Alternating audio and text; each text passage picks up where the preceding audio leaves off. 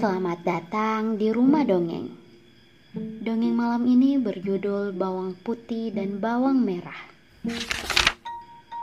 Pada zaman dahulu kala, hiduplah sebuah keluarga yang sangat bahagia.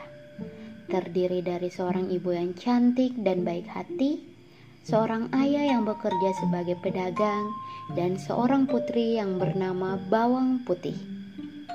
Kita sebut saja bawang putih karena paras wajahnya yang cantik dan putih. Sifatnya yang baik hati, penurut dan juga tulus. Sayang sekali, kebahagiaan keluarga itu tidak bisa bertahan lama karena ibu bawang putih sakit-sakitan dan meninggal dunia. Tentu saja ayah dan bawang putih sangat sedih dan kesepian sepeninggal ibunya tersebut. Tak lama kemudian, ayah bawang putih menikah lagi dengan seorang janda beranak satu. Karena sifat jahat dan selalu membuat orang lain menangis, mari kita panggil anak ini dengan sebutan bawang merah. Sungguh malang nasib bawang putih, karena tak lama kemudian ayahnya pun meninggal dunia. Dan kini semua harta kekayaan ayahnya dikuasai oleh si ibu tiri yang kejam dan kakak tirinya yang jahat. Setiap hari bawang putih diperlakukan seperti seorang pembantu yang mengerjakan semua pekerjaan rumah dan melayani kebutuhan ibu tiri dan kakak tirinya itu. Dari mulai membersihkan rumah, mencuci pakaian, hingga menyiapkan makanan untuk mereka. Sementara bawang merah kerjanya hanya bermalas-malasan saja. Pada suatu hari, saat bawang putih mencuci pakaian di sungai, tanpa diketahuinya selendang kesayangan bawang merah terhanyut. Sesampainya di rumah, bawang merah sangat marah karena tidak bisa menemukan selendang kesayangannya itu. Lalu dia mengusir bawang putih untuk mencari selendang itu dan tidak boleh pulang sebelum selendang itu ditemukan. Bawang putih pergi mencari selendang itu. Hari sudah malam, dia masih belum juga menemukan selendang itu. Dan dari kejauhan, dia melihat sebuah gubuk kecil di dalam hutan yang ternyata dihuni oleh seorang nenek yang baik hati.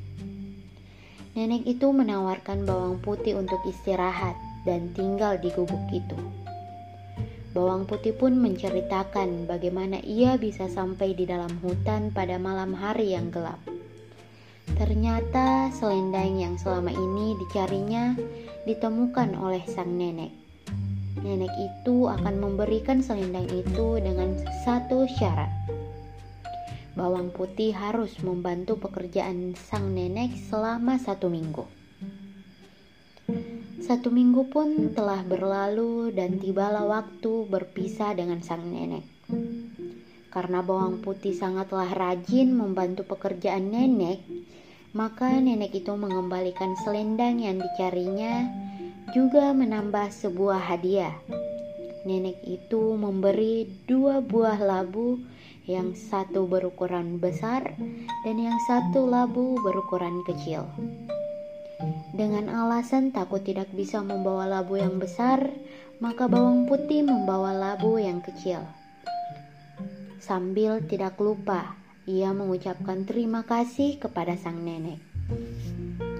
Setelah bawang putih sampai di rumah, dia pun menceritakan semua kejadian yang dialaminya kepada ibu tiri dan kakak tirinya, sambil membelah labu yang diberikan oleh nenek yang baik hati itu. Betapa terkejutnya mereka ketika ternyata itu adalah labu ajaib yang isinya emas dan permata. Ibu tiri bawang putih langsung merebutnya dan menyuruh bawang merah menghanyutkan selendang ke sungai dan menginap di rumah nenek itu supaya bawang merah juga mendapatkan labu ajaib dari nenek itu. Singkat cerita, bawang merah sampai di hutan dan menginap di rumah nenek tersebut.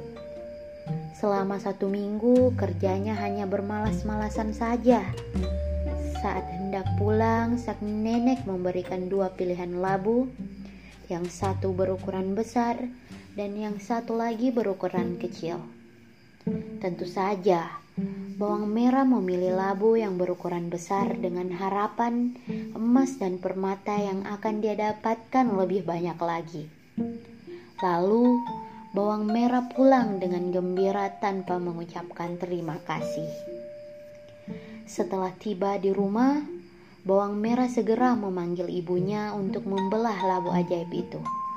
Karena sifat mereka yang sangat serakah dan tidak ingin berbagi dengan bawang putih, mereka menyuruh bawang putih pergi ke pasar dan mengunci rumah dengan rapat. Setelah bawang putih pergi ke pasar, mereka pun membuka labu ajaib itu. Tapi betapa terkejutnya mereka ketika Ternyata labu itu tidak berisi emas dan permata, melainkan berisi binatang berbisa seperti ular, kalajengking, kelabang, dan laba-laba. Secepat kilat, ular berbisa mematuk ibu tiri dan bawang merah. Mereka tidak bisa meminta tolong pada siapa pun karena pintu rumahnya terkunci rapat. Berteriak pun tak akan ada yang mendengar mereka. Akhirnya ibu tiri dan bawang merah mati seketika bersama labu ajaib yang mematikan. Sampai di sini dongeng untuk malam ini. Jadilah seperti bawang putih dan jangan seperti bawang merah yang serakah. Selamat malam.